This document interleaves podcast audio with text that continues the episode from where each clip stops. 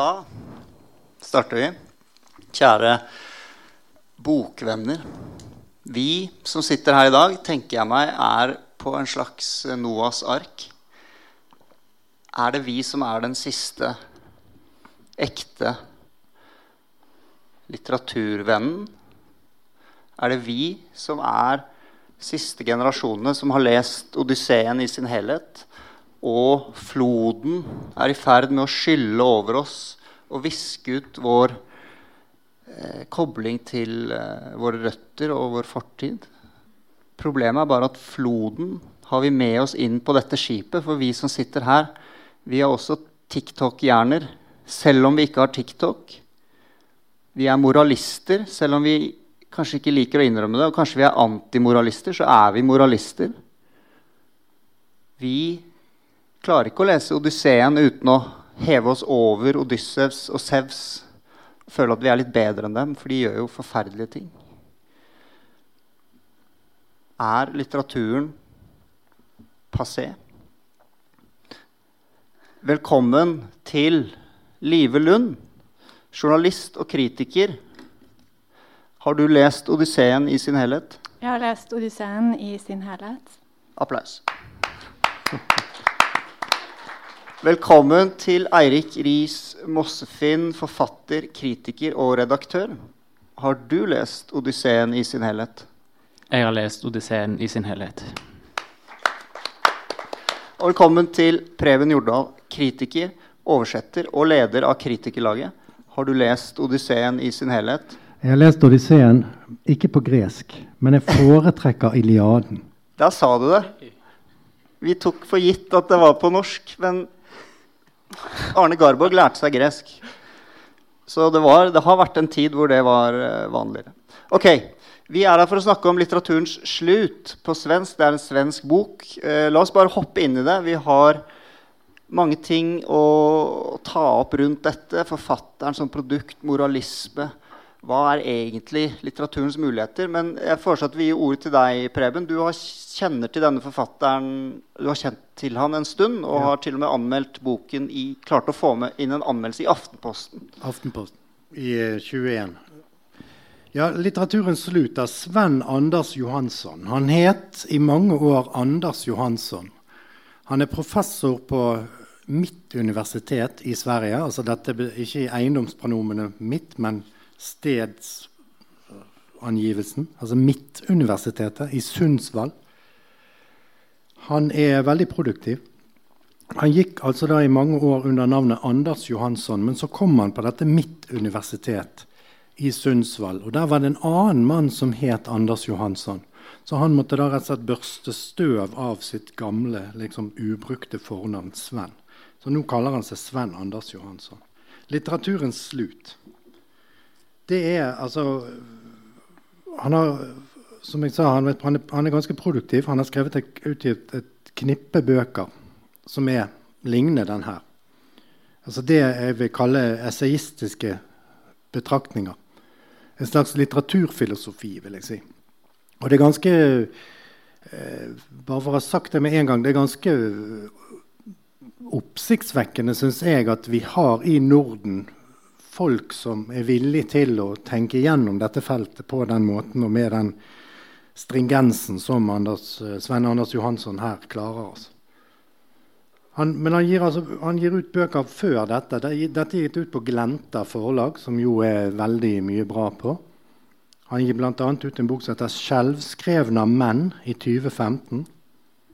Det er en flott tittel. Det handler ikke bare om disse mennene som skriver om seg selv. Altså, det handler om Karl Ove Knausgård, Lars Norén, eh, Per Olov Enquist, eh, Yahya Hassan, Zlatan Ibrahim, Ibrahimovic. Um, men altså, også den altså selvskrevne menn. Det er også denne der, altså det å være selvskreven. Han er selvskreven gjest. Altså den, han får med den betydningen der. Alle menn som på dette tidspunktet skriver mye om seg selv, men, og her er, litt, eh, her er, vi litt inne på hvordan han tenker, og hvordan Svein Anders Johansson, det som gjør han interessant å følge, det er at han altså istedenfor å vurdere dette som selvopptatthet, dette at man skriver om seg selv, så ser han det som et tegn på subjektets krise. Det samme skjer i, i det, kyniske, det kyniske tilstandet fra 19, uh, uh, 2018. Der tar han utgangspunkt i svenske tilstander og hevder bl.a. at det i samtiden ofte kan synes viktigere å ta avstand fra ting enn å sette seg inn i og mene noe kvalifisert om selve saken. Mot dette setter han altså kynismen som overlevelsesstrategi. Vi har å gjøre med en ganske skarp observatør av samfunnsfenomener som på en veldig god måte, syns jeg altså han, han, er veldig flink til å gå i dialog med det han leser. Altså han, han, han, han, leser det med utbytte for å diskutere med det og bruker det. Altså det aldri, hvis, hvis, man ser litt på hva som skrives av type sånn litteratur vitenskapelige, litteraturformidlende tekster i, i, dette landet, så ser du ofte at sitatene er en slags pynt. Eller en slags illustrasjon på et poeng som forfatteren allerede har tenkt ut. Sven Anders Johansson, Hos han får du hele tiden følelsen av at du, du, er, du er, med i en tankebevegelse som han, har, uh, som han vil lede deg igjennom. Så det, altså, Jeg anbefaler boken her nå. Det er vel det jeg sier i, i kort tekst. Litteraturens slutt kom i 2020, som det også skal handle om nå. ja.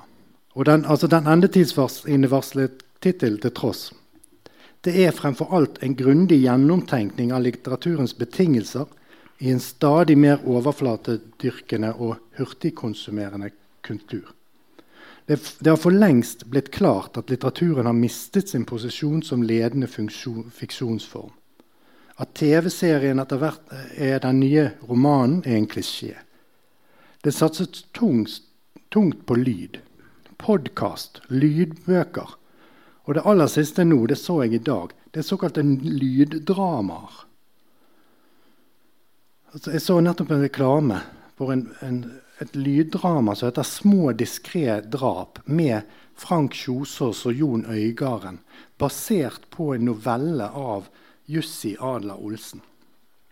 Man kan jo miste livslysten av mindre. Nei, nå må du gi deg, altså. En, altså, jo... en dramatisert novelle. En dramatisert krimnovelle. Jeg syns ja. det er helt absurd at vi sitter her på Noas ark og liksom river oss i håret av at nå har noen funnet opp lyddrama. Er det ikke bare fjernsynsteatret som gjør en comeback? Ja, men er det, ikke, er det ikke enda mer? Er det ikke muntligheten Altså, Sirkelen har sluttet. Det kan du si. Tradering. Vi er, totalt, altså, vi er i ferd med å ende opp i en helt oral og visuelt kultur. Og det, altså, det, Så prøver Johansson da å, å, stille en slags diagnose på hva som kan være gått galt, og hvor, altså, hvordan vi skal komme oss ut av dette. Altså, det, er en, han er liksom, det er en slags marxistisk tilbøyelighet tilbøyelighet. Altså, han, en, han er adornitt, og han vil gjerne vise oss en vei ut av dette bare suppler. Ja, jeg er enig i at uh, han er en adornitt, og, og, at alle de beste sitatene i boken er omskrivninger av gode Adorno-sitater. Men jeg føler at han ikke Ja, at han også lager en veldig nåtidig Det er jo ikke en stråmann, for det er jo problemer, men, men han snakker om, om på en måte en veldig samtidig situasjon som om den er eh, et historisk punkt, da, et endepunkt i historien, når det egentlig er åpenbart, tror jeg, for alle som er glad i litteratur og leser litt, at, at eh, det skrives jo masse. Det skrives masse dårlig, og det skrives masse bra. Men alle de problemene som han eh, skisserer, som på en måte utgjør en trussel som kan forårsake litteraturens slutt, da, det, det tenker jeg er eh, ja, en sammenheng vi står i nå som påvirker alt rundt oss. Liksom klimakrisa, eh, masse sosiale bevegelser. Og selvfølgelig Det som jeg er enig i er en stor utfordring, er jo digitalisering og teknologiutvikling. Men men ja, jeg må bare posisjonere meg der med en gang. At jeg syns eh, denne endetidsprofetien er litt kortsiktig og, og tror ikke på den, rett og slett. Ikke på den måten. Eh, men sånn som jeg forstår det, så er det jo eh, i og for seg et eh, implisitt spørsmålstegn i tittelen òg. At eh, eh, jeg føler ikke at det han gjør i denne boken, er å si at nå er det over for litteraturen eh, som sådan.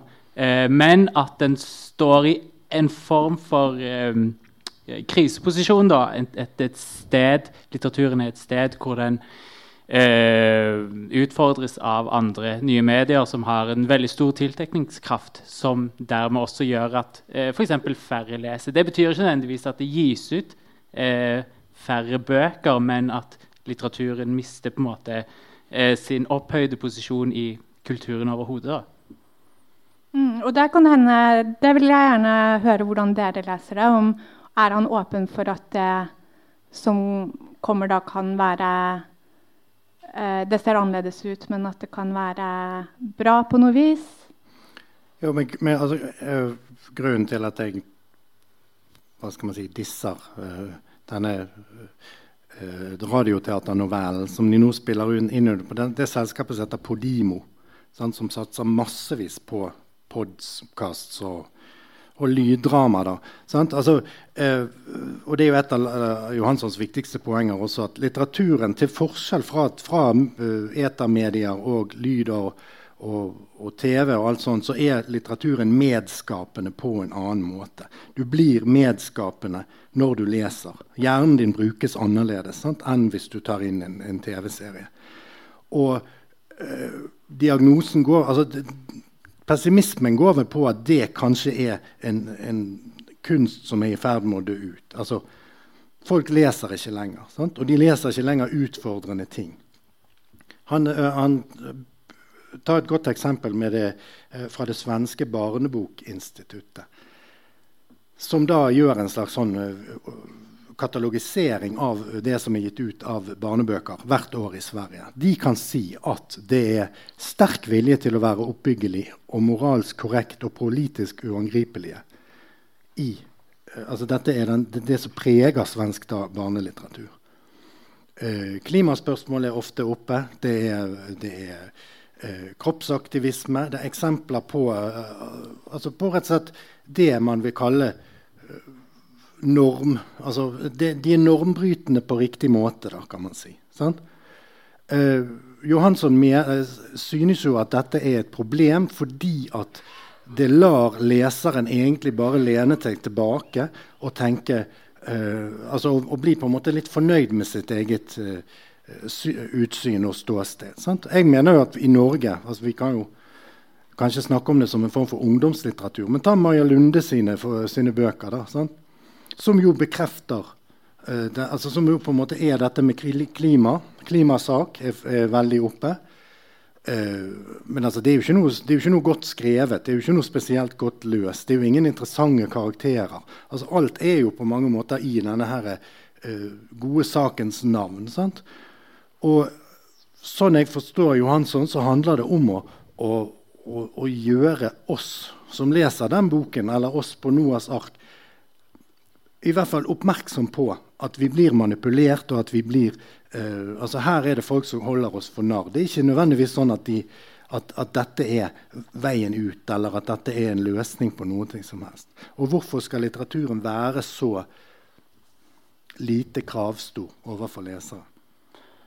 Nå har det ikke alltid vært et bredt sjikt av litteratur hvor du har underholdningslitteratur, f.eks., uh, uten at det utgjør en trussel mot en smalere litteratur. Og er det så annerledes nå? Nei, ikke nødvendigvis. Men altså, det er jo også litt av poenget her at det blir etter hvert sånn at han, han sier at det er ikke så det, det, står ikke så dårlig til som han gjerne kunne, man kunne tro ut ifra tittelvalget hans. Sånn. Han kommer jo frem til at det fremdeles skrives en god del krevende litteratur og en god del ting som, eh, som, vil andre ting enn bare å bekrefte en eller annen, altså noe vi allerede vet. Da. Det er jo det han er opptatt av. Og altså, I det intervjuet som Eirik gjorde, som ligger i, i den uh, avisen der borte, så sier han jo litt om dette. Altså For øvrig veldig godt intervju.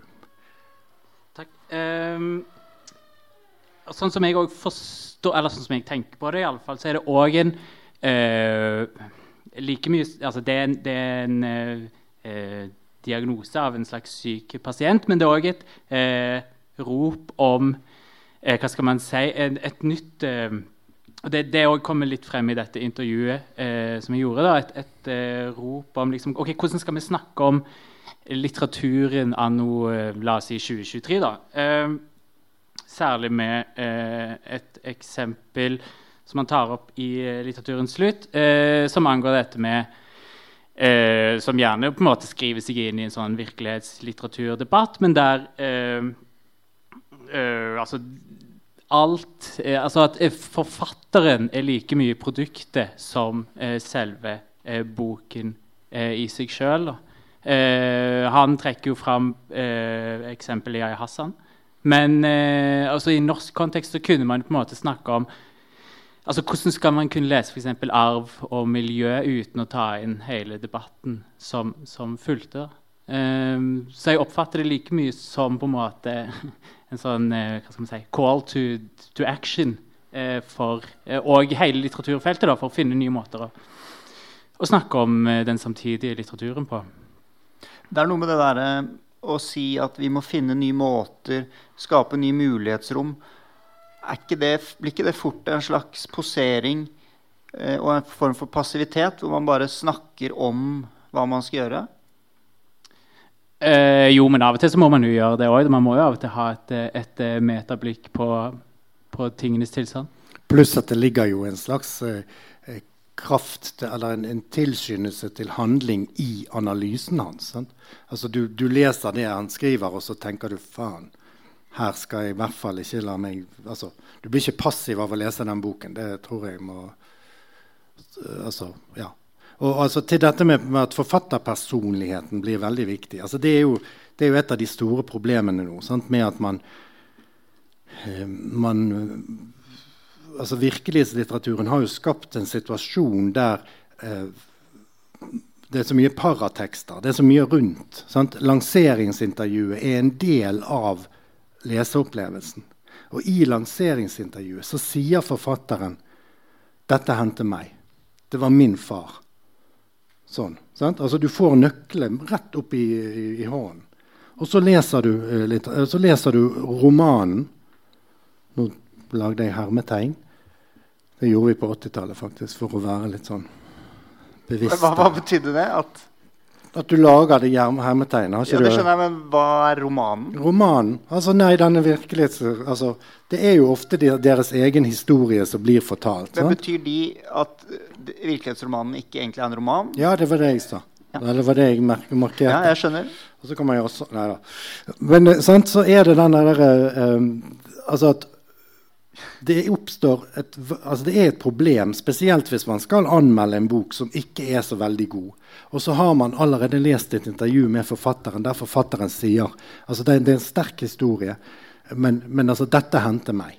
Sant? Min far drepte min mor. og og, og lå med alle, alle, oss barna. Hele tiden.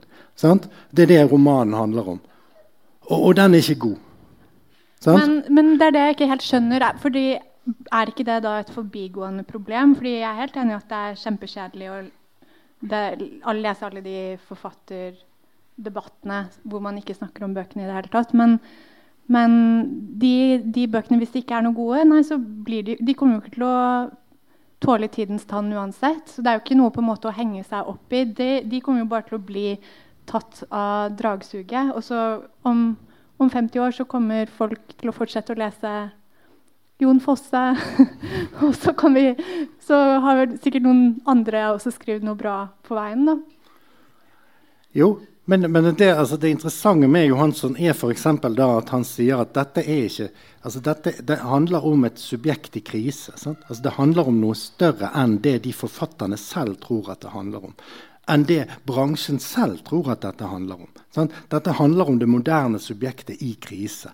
Det er derfor vi trekkes mot Karl Ove Knausgårds uh, selvbiografiske romaner. Altså det, det er alle som er i krise Det er subjektiviteten som er i krise. Altså, og det, det, perspektivet altså Det er jo det som er det fascinerende med å lese nettopp denne boken, mener jeg. For det er alltid et uttrekk til. Sant? Du tror du på en måte har kommet til en eller annen Ja, her er vi. Nå er vi fremme. Og så bare trekker han ut. Det blir et sånt, ja, det er et trekkspill. Det er alltid et uttrekk til. Men er, Jeg ble overrasket over hvor mye han skrev om eh, etikk og moralisme. Og det er da et tegn på dette subjektet i krise, eller ett av flere tegn. da. Hva, hvordan forsto dere Eller er, det, er du enig for eksempel, Livet, at, at det er et faretegn, det at mye litteratur blir lest moralsk? Nei, eh, noen Altså, For det første så syns jeg Johansson blander begrepene moral og etikk.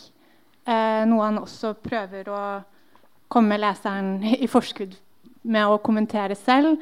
Eh, dette, er sånn, dette, er en bok som er sammensatt av ganske korte fragmenter. Eh, noen av de er sånn dialoger. Og det er veldig uklart hvem disse dialogene er med. Kanskje det er med han selv. Eh, men han bruker det i hvert fall til å på en måte imøtegå potensiell kritikk, da, oppfatter jeg. Og, og, i en av disse dialogen, dialogene så sier Johanssons kritiker det som jeg ville sagt. Da, at du veksler mellom etikk og moral som om det var samme sak. Hvorpå Johansson svarer ja, i praksis har det jo blitt det. Det er bare at de fleste moralister foretrekker å snakke om det etiske fordi moral har fått en så dårlig klang. Og Ja, for det første så så tror jeg jo ikke det er sant at, at vi, vi, snakker om etikk når vi mener moral. Og det, er, det, gjøres jo masse lesninger av litteratur som er eh, våkne for det etiske. Jeg tenker på det som kritiker hele tiden. Og,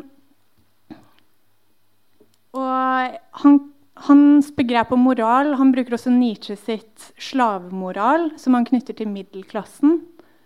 At middelklassen driver med en sånn selvpisking og falsk ydmykhet som egentlig er ideologisk rettskaffenhet. Eh, og at det det på en måte fratar kunsten autonomi, da. Er, er ikke det riktig oppfatta? Det er ikke bare jeg som leser han sånn? Dere nikker? Ja. Og, og, det tenker jeg er uh, For meg blir det litt det samme som når, når uh, folk sier at uh, Woke-bevegelsen er de nye puritanerne. på en måte. Jeg syns det, det, er en veldig stor forenkling. Og Men det han sirkler inn i begynnelsen, det handler jo mye om det, såkalte nyliberale subjektet. Altså som, han, han, lener seg på Badiou, som sier noe sånt som at det er eh, altså at eh, det skjer et skifte i nyliberalismen fra eh, politisk engasjement til etikk. Og at, altså at dette er en måte å få å, å passifisere befolkningen på. Det er, det er, jo en veldig sånn marxistisk impuls også hos Johansson her. Men sant, La oss ta dette her med klima, f.eks. Min datter på 19 veldig opptatt av å ikke ta fly. Sant? Veldig opptatt av å, å, redusere sitt eget forbruk. Fordi nyliberalismen har fortalt henne helt fra hun ble født, at det er individet som er løsningen på politiske uh, spørsmål. Altså, en, altså hele, vi, det er jo neppe kontroversielt å si at dette med klima er Det trengs politiske løsninger. Det, ikke, altså det, handler ikke om at vi reduserer vårt kjøttforbruk. Det handler i hvert fall ikke bare om det, og i hvert fall ikke i all hovedsak om det. Men nyliberalismens tenkemåte har fått oss til å tro at altså dette må vi ta på oss. Dette er vår moral, det er vår etikk som hele tiden er oppe. Og Det opplever jeg som poenget hans i altså, Derfor skrives det nå bøker som er rene sånne bekreftelser av den moralen vi allerede har. Derfor skrives det så lite eh, eh, spennende ting, da, ifølge han kanskje. Og Derfor er vi også så opptatt av at, at uh, en stor forfatter skal også være et godt menneske. Sant? Hvis ikke de er et godt menneske, så, uh, så, så leser vi de ikke. Ja, Er han inne på noe der, i, hvis vi tenker norsk litteratur for tiden?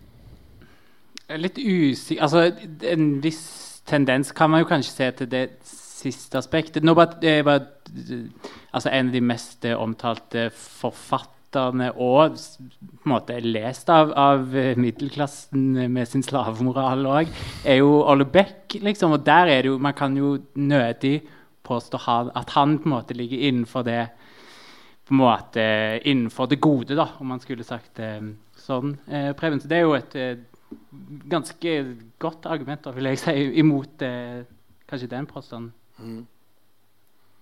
Ja, at, og, men altså, ikke vekke litt sånn vi unner oss litt. Altså, det er som å se litt på Det er som å se på porno, liksom. Altså, det er litt sånn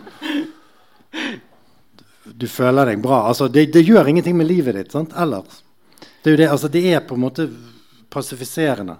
Men du føler ja, det knitrer litt i hjernen. Olbekk er så deilig frekk, liksom. Ja, kanskje sant. Men jeg, og, og, altså, jeg mener ikke å være så pessimistisk som jeg nå er. Og jeg tror, altså, han er jo heller ikke så pessimistisk. Nei. Det er noe med det der eh, som jeg syns er interessant. Det bekrefte Å få bekreftet det vi allerede vet. Der tror jeg han har et poeng. Vi liker jo det. Det gjør godt å, å kunne bli sint på en eller annen som man kan plassere som ond. Uh, ja. Ja, ta hele den, altså Hvis du går inn på ark, ark.no, og hvis du har registrert det der, så er det sånn at det kommer anbefalinger. sant? Du som før har likt det, Ja. kanskje du liker dette. Sant? Det er hele tiden likheter. De tror at kunden er altså, Eller de vet at kunden antagelig liker eh, romaner med bilder av kvinner med ryggen til foran en smijernsport. Da kjører de på med det. Det, eh, TikTok, BookTok er jo drevet av um, ofte, mye følelser. Det er jo sosiale medier generelt. De filmer seg selv mens de gråter. Jeg har vært veldig begeistret for BookTok. Det er veldig mye gøy. Det er mange bøker som blir, plutselig dukker opp der, som kommer litt sånn fra siden. Jenny Wahl hadde en roman oversatt til engelsk som plutselig gikk sånn viralt. Men jeg har også begynt å tenke mer på den derre Altså hva følelsene er, som, som dere har vært inne på. Altså man, kan bli, man kan bli manipulert. Man, og man kanskje bare bekrefter det man allerede synes. Og de der lydbøkene på Amazon gjør litt det samme nå. Det er sånne, For de som har medlemskap, så får du gratis lydbøker. Og jeg hørte på en av de som var kjempepopulær. 20 000 anmeldelser. Og da ble jeg faktisk glad over at jeg ikke likte den. Det følte jeg var et sunnhetstegn for meg. For jeg er egentlig sånn som liker å like det andre liker. For jeg liker å forstå hvorfor de liker det. Og hvis jeg skal forstå det, så må jeg også like det på en eller annen måte. Men øh, hva tenker dere om det med følelsene når man leser, f.eks.? Er, er han inne på noe der? Det var kanskje mest intervjuet han, eh, da du intervjuet han, han snakket om det. Ja, han snakka vel på en måte om følelsene som uh, bekreftende, da. At uh, de på en måte svarer til noe du egentlig allerede En oppfatning du allerede har, da, gjerne uh, moralsk.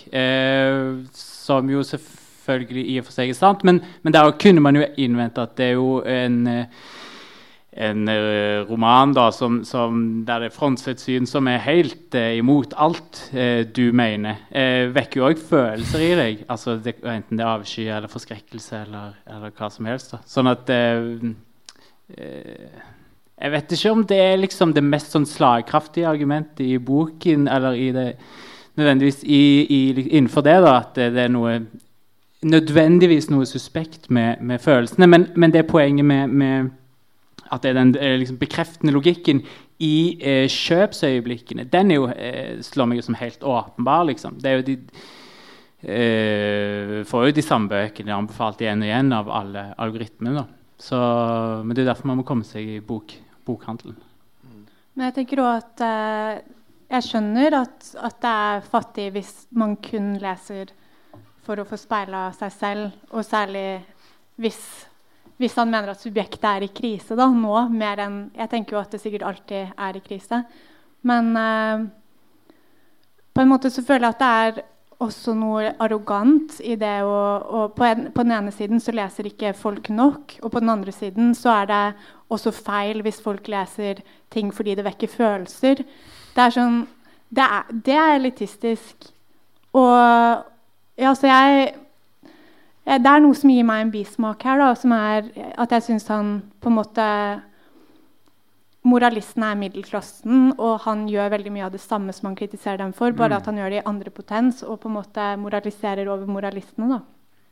Jeg syns nesten jeg hørte antydning til applaus blant publikum. faktisk. Men, eh, ja. Eh, ja, men jeg ville jo også tenkt at det argumentet mot det er jo at eh, Altså det er jo, I og for seg kan det jo ses på som eh, elitisme, men det er altså Jeg leser i alle fall ikke denne boken som en, liksom, at han legger skylden på det enkelte individ for å ikke lese og ikke lese på riktig måte. Det er vel heller en, eh, et forsøk på en samtidsdiagnose som, som sikkert eh, treffer han like godt som, som alle oss andre. Eh, jeg kan jo sjøl merke at bare de, de siste årene så har jo mine bare lesevaner endra seg ganske radikalt. og Det, blir jo fort anekdotisk, da. men eh, jeg oppfatter at mange eh, innenfor, altså mange jeg snakker med, blir på en måte Å lese blir en større og større terskel da. for, for eh, og veldig lesevante mennesker. Svogerforskning heter det der. Men altså, jeg slutter meg til det. For det er jo, altså, jeg opplever han jo som en slags refser av systemet som har skapt dette. Altså, det er ikke en sånn eh, 'nå skal du skamme deg', men jeg opplever det også som en slags sånn eh, type utfordring til litteraturkritikken, litteraturformidlingen, litteraturvitenskapen om å ikke slå, altså undersøke hva det er med disse tingene som, eh, som gjør at de blir så mektige. Kritisere de. Undergrave det. Være litt sånn hard i klypen mot det. Og hvis man ser på bare hvis jeg får ta den, altså hvis du ser hvordan norsk presse dekker disse enorme strømmetjenestenes produkter sant? Til og med NRK.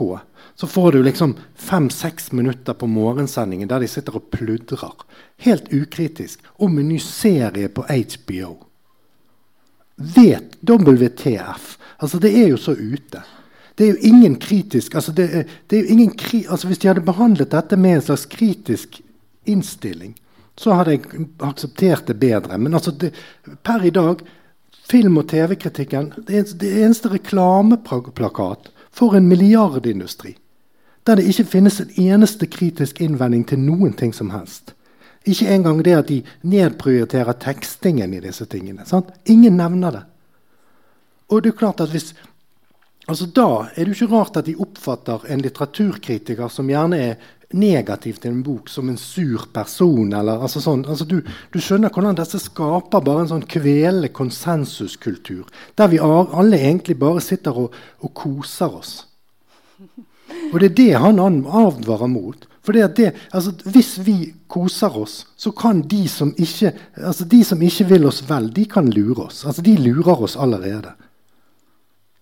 Jeg er helt med på det. Og jeg, jeg vet at jeg har inntatt uh, rollen som den store Johansson-kritikeren nå, men, men alle de tingene han peker på, er jo reelle.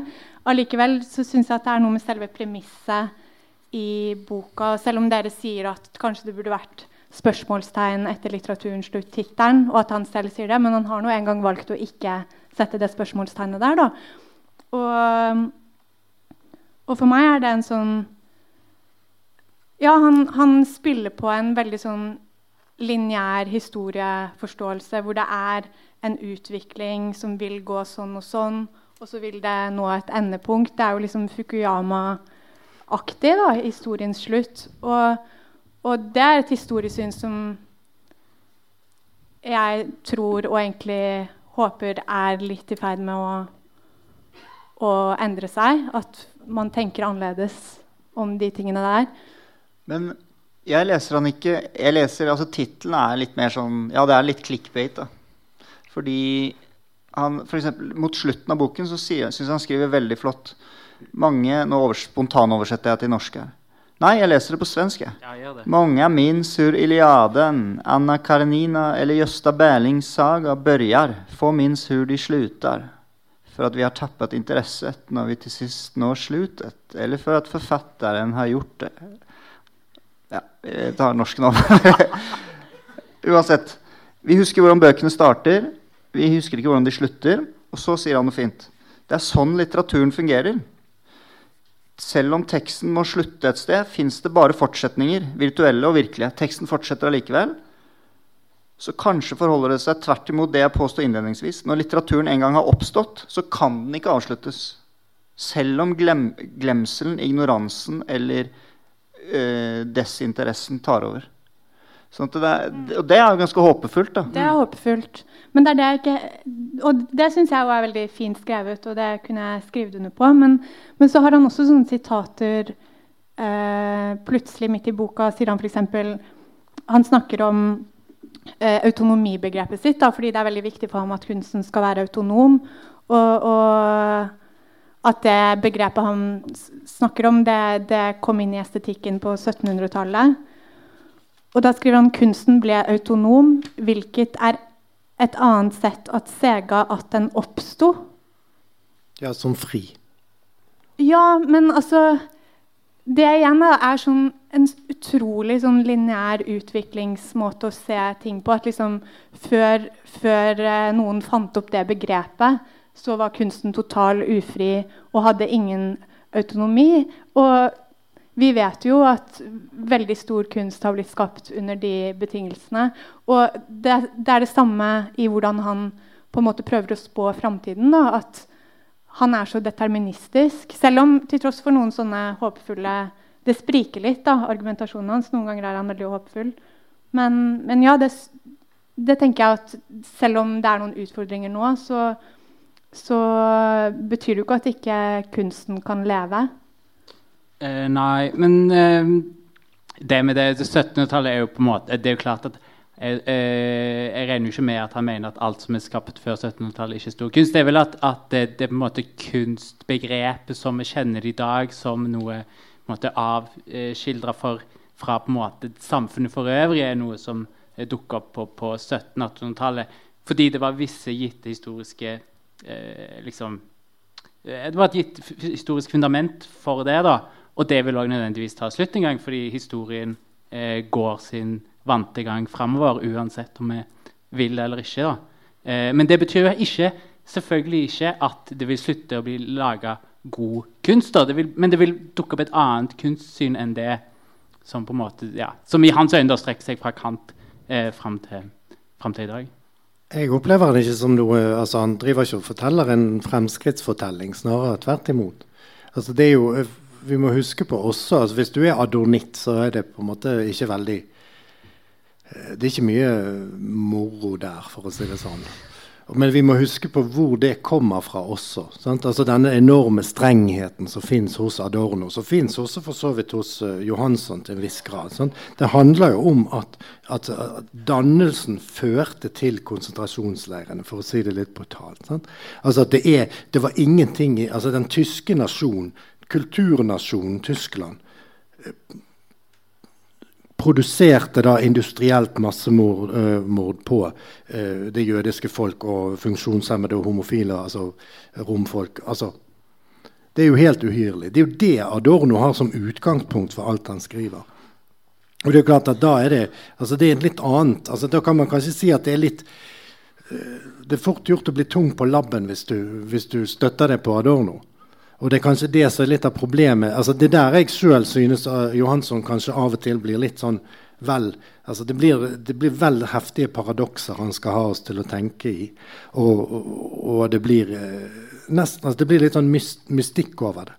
For da skal kunsten vise noe utopisk som vi ikke uh, egentlig klarer å verbalisere. Eller, altså, det er en veldig sånn uh, det er vanskelig å få tak på. da. Jeg er ikke noen adonitt, men jeg Adorno, Jeg tror han siterer Adorno på kunst, litteraturen kan gi et minne om noe, som egentlig, om noe som ikke har skjedd. Og dermed vise til en fremtid som kan bli. Jeg syns det var veldig morsomt i intervjuet ditt, Erik. når du var sånn her, ja, jeg prøvde å lese denne, Først så prøvde jeg å lese denne, lyset, denne boka i lys av Adorno. Men det funka ikke helt, så, så, da leste jeg den i lys av Deleuze. Og så ble det sånn. Det er veldig sånn i lys av en tenker. Du skal ikke lese det sjøl. Nei, nei, nei, nei. Du må ha en følgesønn. Ja. en teori. Eller Deleuze. Eller en av de to. Men syns, syns dere ikke syns, eh, dere, jeg mener livet, syns dere ikke det var stimulerende Jeg ble jo provosert. Mm. Så sånn sett, ja. Men, men det er en, en bragd, tenker jeg, at vi, vi sitter her nå på blad. Folk har kommet. Eh, jeg tror til og med vi er statsstøttet på et eller annet nivå. I, og det, ja, det er Johansson opptatt av. At staten må støtte. Vi har lest en bok på svensk, og vi har lest den på papir. Bortsett fra Preben, som hater papirbøker. Men det, det er jo veldig bra. Ja. Nå mistet jeg det jeg Altså, det er jo det jeg mente med det, er at vi, det er en slags eh, Jeg må fullføre resonnementet mitt. Er ikke det en eh, Det er jo et positivt tegn eh, på at det er, fortsatt er håp. Ja. Jo, det jeg skulle si var at dette var jo, altså Da denne boken kom ut i Sverige, så fikk han jo veldig mye mottagelse og veldig mye omtale i den svenske offentligheten. Du merket at den svenske litteraturoffentligheten altså Det var en stor sult i den etter denne type betenkninger. Og bare det syns jo jeg er altså det er jo verdt å, å, å, se litt nærmere på hva det er for noe. For dette, altså da klarer du å, å få veldig mange mennesker til å tenke over samme tingen. Og, så går han inn i Yahya Hassan, Athena Farrokhzad, eh, Jonas Eika sin tale til Nordisk råd eh, analyserte han. Og så ender han opp med også analysere en av novellene til Jonas Eika på slutten, som han virke, holder fram som et eksempel på virkelig god litteratur. Så det, det er noe med den å liksom virvle opp det fellesnordiske og det eh, samtidslitteraturen da, som er spennende her. Ja, det tenker jeg jo, er jo veldig prisverdig at han faktisk er en akademiker som skriver Ok, det er jo eh, altså, Det glir jo ikke nødvendigvis lett ned, men det, det får en del oppmerksomhet. Og det er ikke eh, man, man, man får tak i det eh, som en, en vanlig litteraturinteressert leser. Eh, og gå i dialog med sin, sin samtidslitteratur, da, eh, selv om det er med et eh, selvfølgelig et, et kritisk blikk. Jeg bare lurte jeg bare tenker sånn, Kunne dette Sett den hadde blitt gitt ut i Norge, da, eh, tror dere det ville fått den samme, den samme oppmerksomheten? Godt spørsmål. Det, nei, kanskje ikke. Nei. Og, og jeg setter jo pris på at han har skrevet den boka og, og har den diskusjonen. Men jeg bare tenker at det, det er å, å gi litteraturen en veldig veldig, veldig høy plass. da, Og jeg setter litteraturen høyt, jeg, for all del. Men, men jeg er på en måte vel så bekymra for at folk ikke kan treskjæring lenger, eller ikke kan å veve. Og... Nei, det kan du! Jo, men jeg mener det. Altså, sånn, ja, men vi Men sitter jo her syns du eh, syns treskjæring og litteratur, er det Same, same. Likeverdig. Nei, er det likeverdig? Jeg tror i hvert fall, sånn som det du sa da, Preben, at liksom det var dannelsen som førte til holocaust. At på den ene siden så står han på den linja, på den andre siden så sier han sånne ting som at, eh, at hvis bare de der eh, gangsterne i Sverige som dreper hverandre i gjengoppgjør og, og sånn, hvis de hadde eh, lest og skrevet Hvis det hadde vært litt mer fokus på lesing og skriving i skolen, så ville ikke det skjedd. Så det er noen sånn brister der hvor litteraturen får utrolig stor viktighet. Da. Men jeg tenker eh, i, i et sånn dystopisk scenario hvor teknologiutviklingen har gått enda lenger, og, og folk ikke leser så mye lenger, så, så er det synd. Men, men det er også andre ting vi ikke gjør i like stor grad som før, som allerede er synd, tenker jeg. da.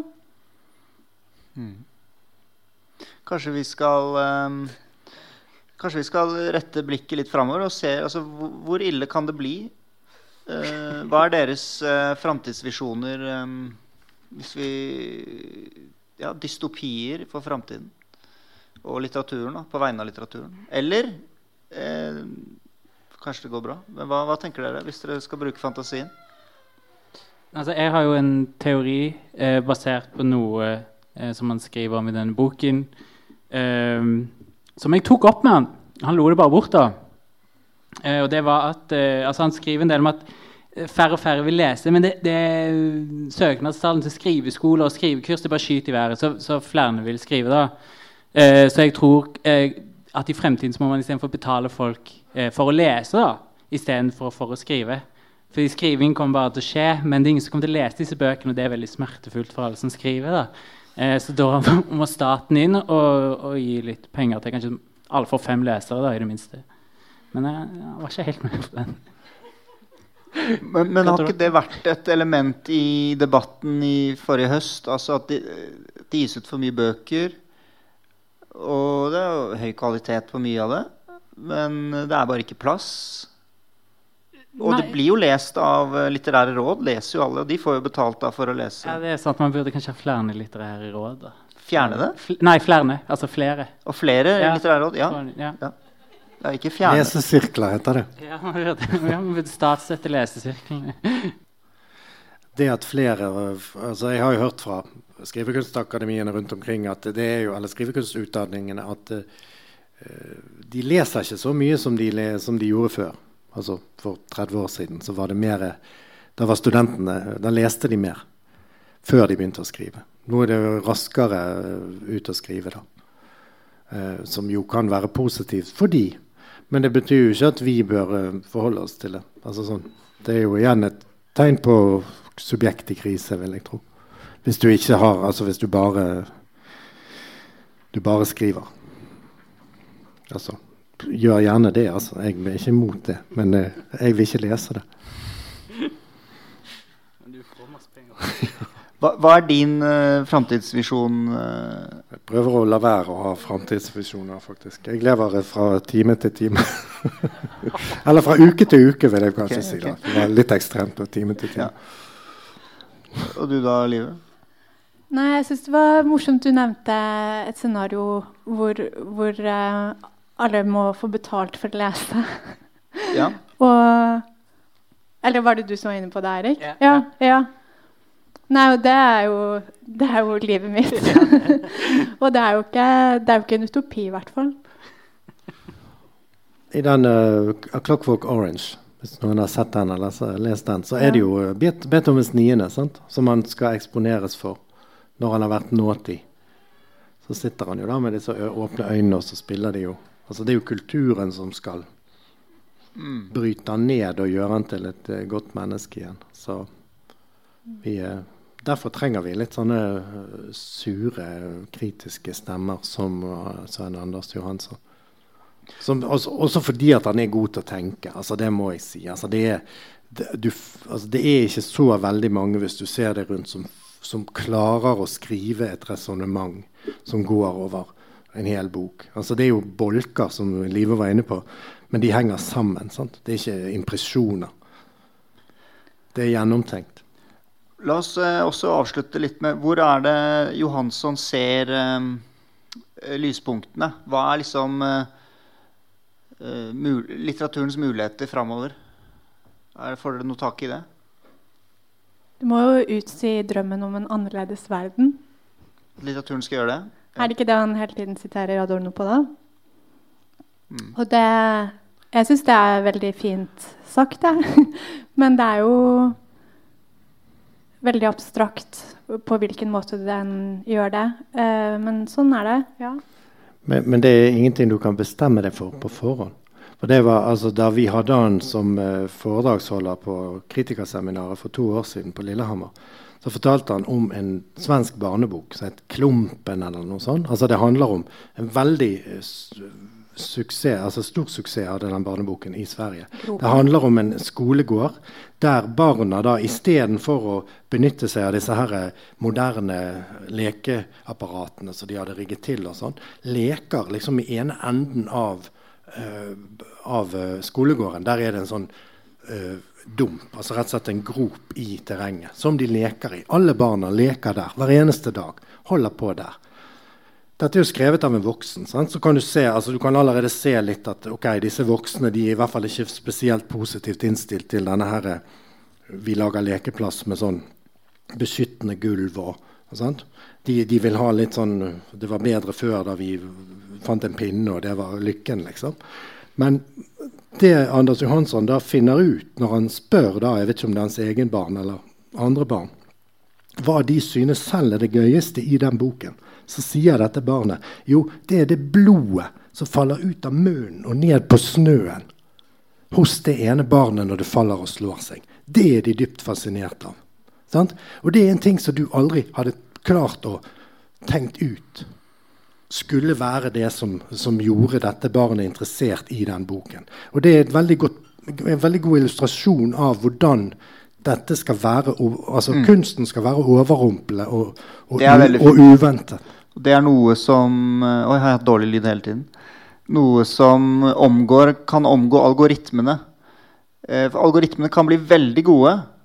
ChatGPT kan bli veldig god til å fortelle en fortelling etter hvert. Men det vil alltid være den lille glippen hvor det blodet er. da. Og det er der håpet er. Men de fleste av oss tror jeg vil ligge i, i en slags kuvøse og bare få servert eh, content som er skikkelig bra, liksom. Som vil engasjere oss, men det, ikke, det vil ikke gi oss frihet da, på noe som helst måte. Nei. Jeg eh, Tidligere i dag tenkte jeg, for jeg visste at dette spørsmålet skulle komme opp, da, og at du skulle snakke litt om ChatGPT. Så jeg, jeg, eh, gikk inn på eh, ChatGPT og tenkte jeg skulle be den om tre romanideer for å se om den faktisk kunne liksom, kun, Kan den slå våre beste romanforfattere? Dessverre så var siden nede, da. så jeg fikk et limerick istedenfor. Så jeg tenkte jeg kunne lese det nå mot slutten. Ja, det er fint. ChatGPT is surely the best. But its servers are put to the test. With so many users chatting, it's no wonder they're lagging, but they'll fix it soon. No need to fret.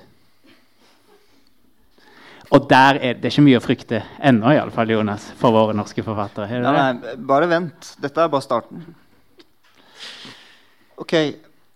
Takk skal dere ha.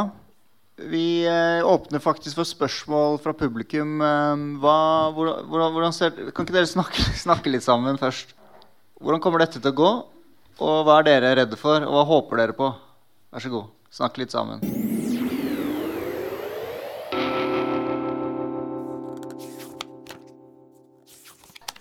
Ja, flott. Vi har en fra publikum som skriver masteroppgave om Rudolf Mus. Eh, kiosklitteratur, eller du skriver om kiosklitteratur fra 1800-tallet og fremover. Mens om Rudolf Mus, som var bestselgende forfatter samtidig med Knut Hamsun, og sier at det er ikke noe nytt at det finnes kjapp litteratur som uh, ikke har så mye dybde, og som Ja.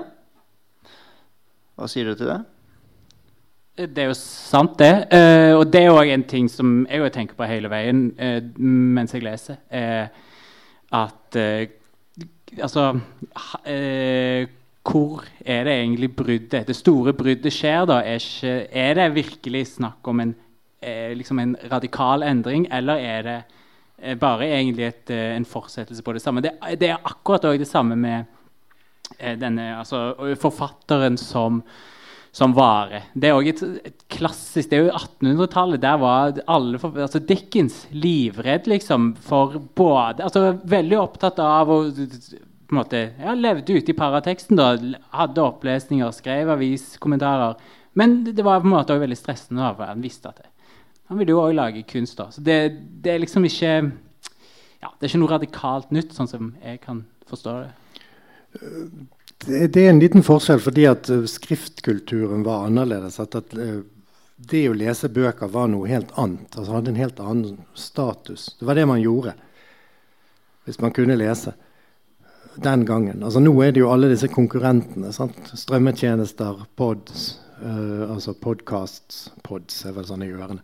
Men altså, sant? Den, altså, det at litteraturen ikke lenger har den primære statusen som den hadde da, selv når det var altså, For det er helt riktig det du sier, jeg er helt med på det at det alltid har fantes både det høye og det, det mellomsjiktet og det laveste. Det laveste. Men, uh, men jeg tror at uh, likevel så hadde litteraturen en annen status fordi at den var den eneste.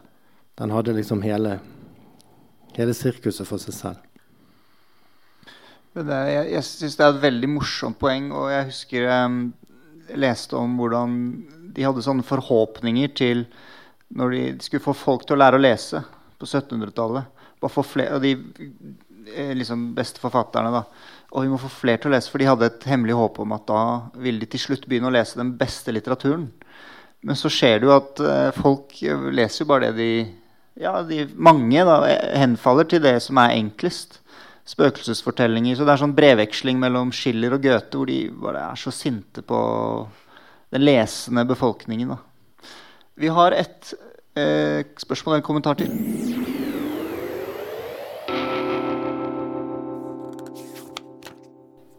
Hmm. Skal se om jeg klarer å gjengi det.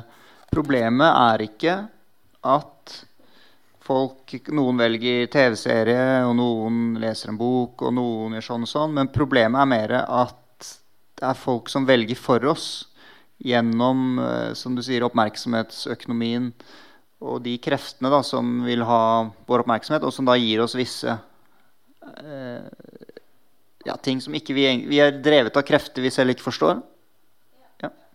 Ja. Det er i hvert fall det Anders Johansson har lyst til å gjøre oss oppmerksom på. Det er mm. helt klart.